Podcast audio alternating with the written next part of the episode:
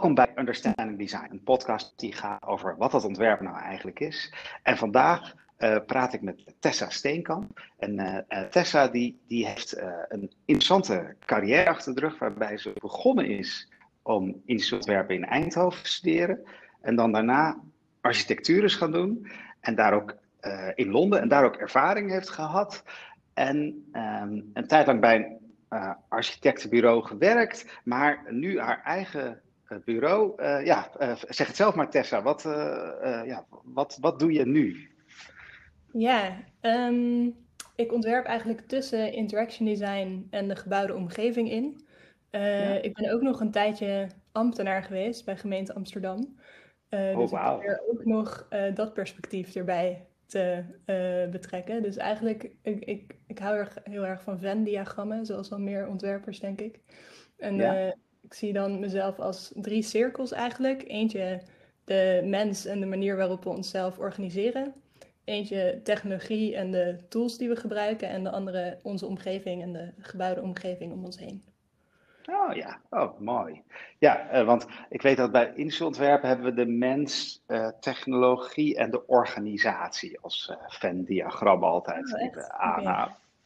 Maar, maar, maar bij jou komt die bebouwde omgeving echt terug. Ja. Want dat is natuurlijk het, ja, dat is het meest spannende waar we het over hebben. Want ik wil heel graag weten wat ontwerpen nou eigenlijk is. En, en als ik het aan jou vraag, dan vooral in verhouding tot die bebouwde omgeving, architectuur en, en uh, ja, wat, wat missen wij of wat, welk perspectief missen wij bij industrieel ontwerpen wat architecten wel hebben of andersom? Oh ja, goede vraag. Um, ja. Ik denk dat je in elk ontwerp op allerlei abstractiesniveaus kan kijken naar wat voor interacties het faciliteert. Um, mm -hmm. En dat is eigenlijk ook wat ik probeer te doen. Uh, dus uh, dat is misschien, dat klinkt een beetje abstract, maar um, ja, bij interaction design denken mensen al snel aan schermpjes ontwerpen. Um, maar ik vind het, uh, ja, als ik bijvoorbeeld kijk naar een fotocamera, de fotocamera op je telefoon. Ja.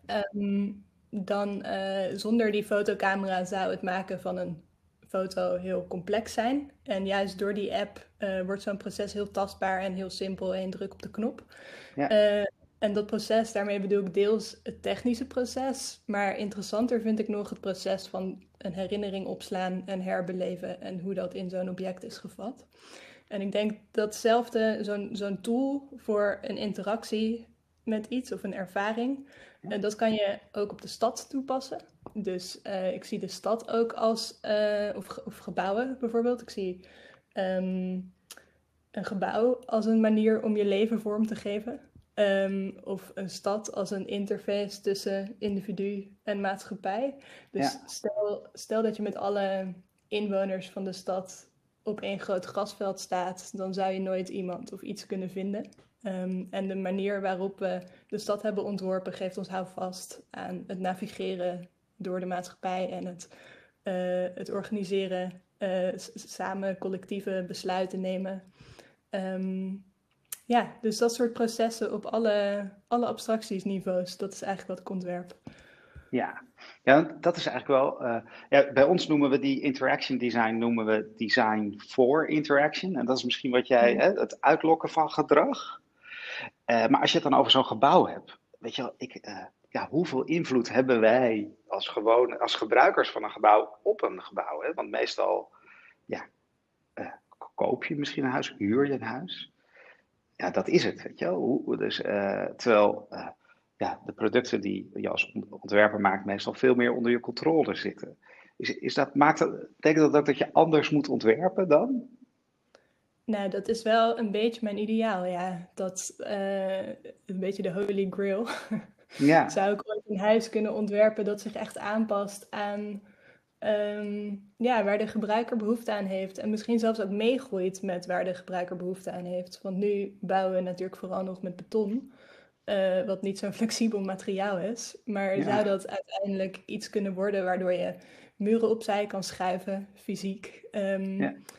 Of ja, dat het echt zich, zich aanpast aan de functies die je hebt. En ik, ik zie nu al bijvoorbeeld tijdens uh, deze hele lockdown situatie dat ja, ik ben een groot Funda-fan. Ik scroll veel door Funda. En uh, eerst werden huizen veel uh, aangeprezen met uh, oh, twee slaapkamers.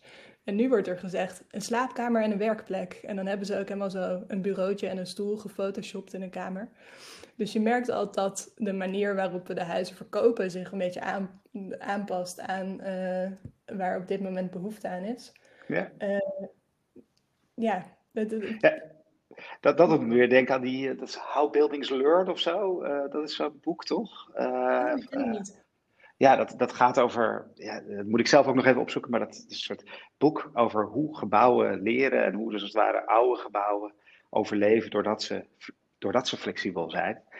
Uh, en en zo, ja. weet je, wel, je hebt het nu over beton. Wij zitten hier op de TU Delft met de afdeling beton. en dan hebben we zo'n aula, dat is zo'n soort monster van beton. Oh, brutalistisch en stoer. Maar ja, niet flexibel of zo. Hè? Dus, uh, en, en dan merk je dat dat een soort wringt, maar ook wel weer leuk is da daarin. Ja, ja nee, qua esthetiek hou ik stiekem heel erg van brutalisme. Ja, um, ja. Guilty pleasure. Ja, ja, ja, zeker. nou ja, en wat er ook wel, vaak zijn dat hele grote ruimtes. Uh, heel goed ontworpen qua bijvoorbeeld lichtinval, um, ja. die op verschillende manieren kan inzetten. Maar wat ik wel dan een uitdaging vind, is als je op die manier zou ontwerpen. Um, de, we, moeten er ook niet, we, het, we, moeten er ook niet op uitkomen dat de hele stad een grote verzameling van dozen wordt, waarin je alles kan in elke doos. Um, ja, ja ik vind het ook wel interessant om uh, die diversiteit te behouden. En toch flexibel te kunnen zijn. Uh, daar ben ik trouwens ooit ook op afgestudeerd. Um, heb ik geanalyseerd wat voor transformatie... In, in Londen of in... in, uh, in, in dus Londen. Op, bij architectuur, ja. ja. Op, op een soort flex, flexibiliteit. Ja, toen heb ik gekeken in uh, een wijk in Londen die heel erg aan het veranderen was, Shoreditch. Um, welke transformaties er allemaal gebeurden in gebouwen. Um, want je merkte bijvoorbeeld dat voormalig pakhuizen het eigenlijk veel beter deden als woningen dan de woningen die nieuw gebouwd werden. Hm. Um, en uh, ja, dat soort combinaties van functies die allemaal in hetzelfde gebouw op verschillende tijden hebben plaatsgevonden, uh, heb ik gekeken hoe je specifiek voor dat soort uh, combinaties kan gaan ontwerpen om eigenlijk de toekomstige transformatie alvast in het eerste ontwerp mee te nemen. Ja. Um, ja. Nou, en, want het andere ding wat jij noemde net was, uh, uh, je, je, had het over gebruikers. En dat is zo'n woord wat volgens mij in de architectuur, ja, dat, dat zijn dan ja, gebruikers, weet je wel, dat, zijn, dat komt er als laatste. Dus eerst maak je het gebouw met een opdrachtgever en dan komen die gebruikers en die maken eigenlijk je mooie architectuur kapot. met gordijnen of zo, vuilnisbakken. Ik, ik chargeer, Maar bij, bij, bij, wij gaan het heel vaak over gebruikers. En, en hoe zie jij dat? Dus mensen als gebruikers, hoe, hoe, hoe kijk je daarnaar? Dus of, of, hoe, en hoe, hoe is het verschil, hoe merk jij dat verschil? Ja, het is wel leuk dat je dat noemt, want ik heb inderdaad um, de architectuurschool waar ik studeerde was um, een totaal andere sfeer dan industrieel ontwerpen. Um, terwijl wat ik eigenlijk dacht is, ik ga hetzelfde studeren, maar dan op een grotere schaal. Ja, je gaat ook uh, ontwerpen, maar dan met, met, een schaaltje groter. En uh, we moesten toen op de eerste dag daar presenteren waar we vandaan kwamen. En ik was de enige niet-architect eigenlijk. En ik ontwierp, of ik presenteerde iets over social design, uh, wat toen in Eindhoven ook echt al groot was. Ja. Um, en toen zei de professor, ja, yeah, better not use the word social. They tried it in the 80s, it didn't really work. ik was totaal in shock natuurlijk. Um, En um, ja, ik denk wat het grote verschil is, is dat bij architectuurprojecten staat het product eigenlijk al vast. Er komt een gebouw. Ja. Um, en um, omdat het op zo'n grote schaal een verandering doormaakt, is het, moet het niet alleen aansluiten bij de lokale cultuur, maar moet het ook vooral een nieuwe cultuur creëren. Um, dus daardoor ja, die balans daartussen die is in sommige projecten een beetje zoek. Dus soms uh, creëert het alleen een nieuwe cultuur en kijkt het totaal niet naar wat er al was. Maar je kan ook niet alleen maar kijken naar wat er al was, want er ja. komt een verandering. Um, dus dat is wel een spannende, uh, spannende balans in architectuur. Ook omdat je het moeilijker kan prototypen, moeilijker zeg maar stapsgewijs kan veranderen. Wat bijvoorbeeld in, uh, nou, in echt interaction design heel makkelijk kan. Je doet gewoon een software update en er is een volgende versie. Ja, uh, ja dat gaat in de architectuur niet. Nee, maar wat je nu omschrijft, is we weten wat het is. Eigenlijk bij, gewoon als je het over bij ons productontwerpen hebt, dan weten we dat we producten ontwerpen in, principe. Alleen soms wordt dat meer een service of een service-product combinatie of een, weet je wel, een, of een social design, zoals jij dat uh, omschreef. Uh, maar uh, bij, bij architectuur heb je dat ook. Hè? Dan, ze beginnen met een gebouw, maar soms gaan ze hele wijken herontwerpen. En daar heb je ook met die Shoreditch. Je hebt volgens mij niet echt een huisje ontworpen dan voor je afstuderen, of, of wel?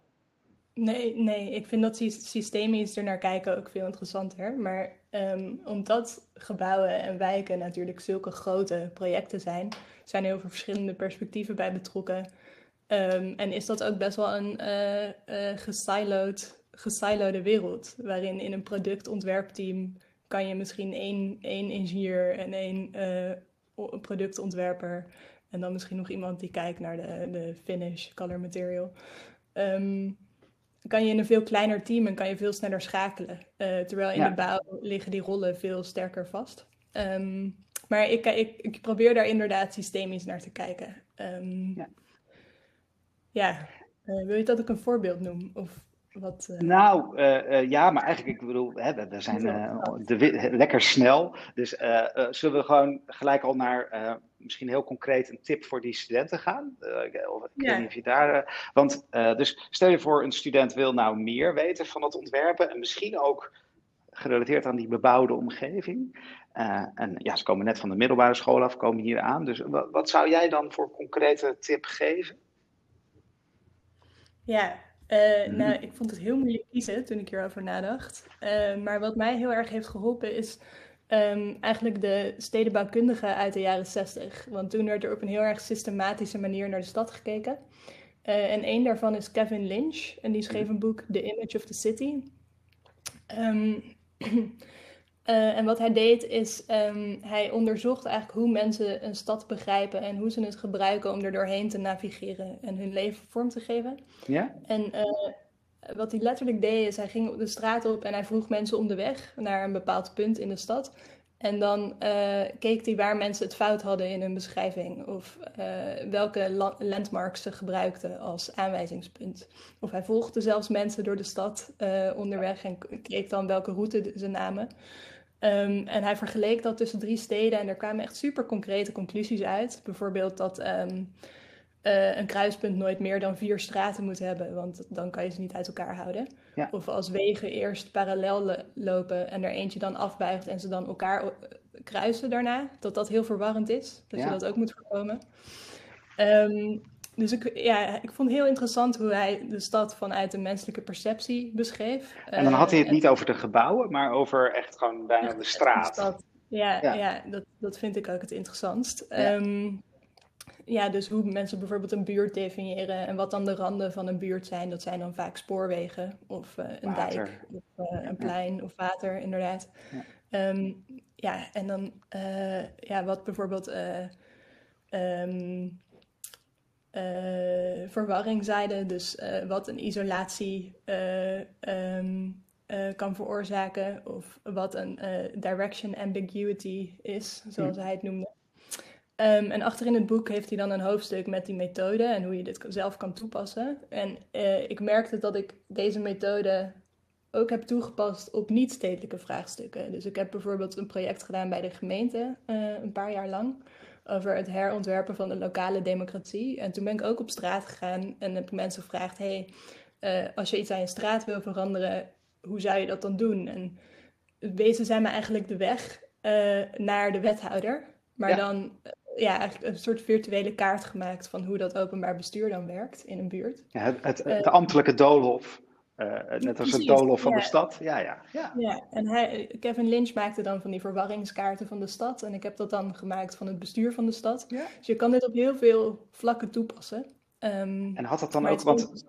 Uh, ja, en, en die, die, was dat dan, gebruikte jij die uh, kaarten dan om intern het uit te leggen? Of, of probeer je het dan ook weer naar de, uh, ja, de mensen op de straat te krijgen?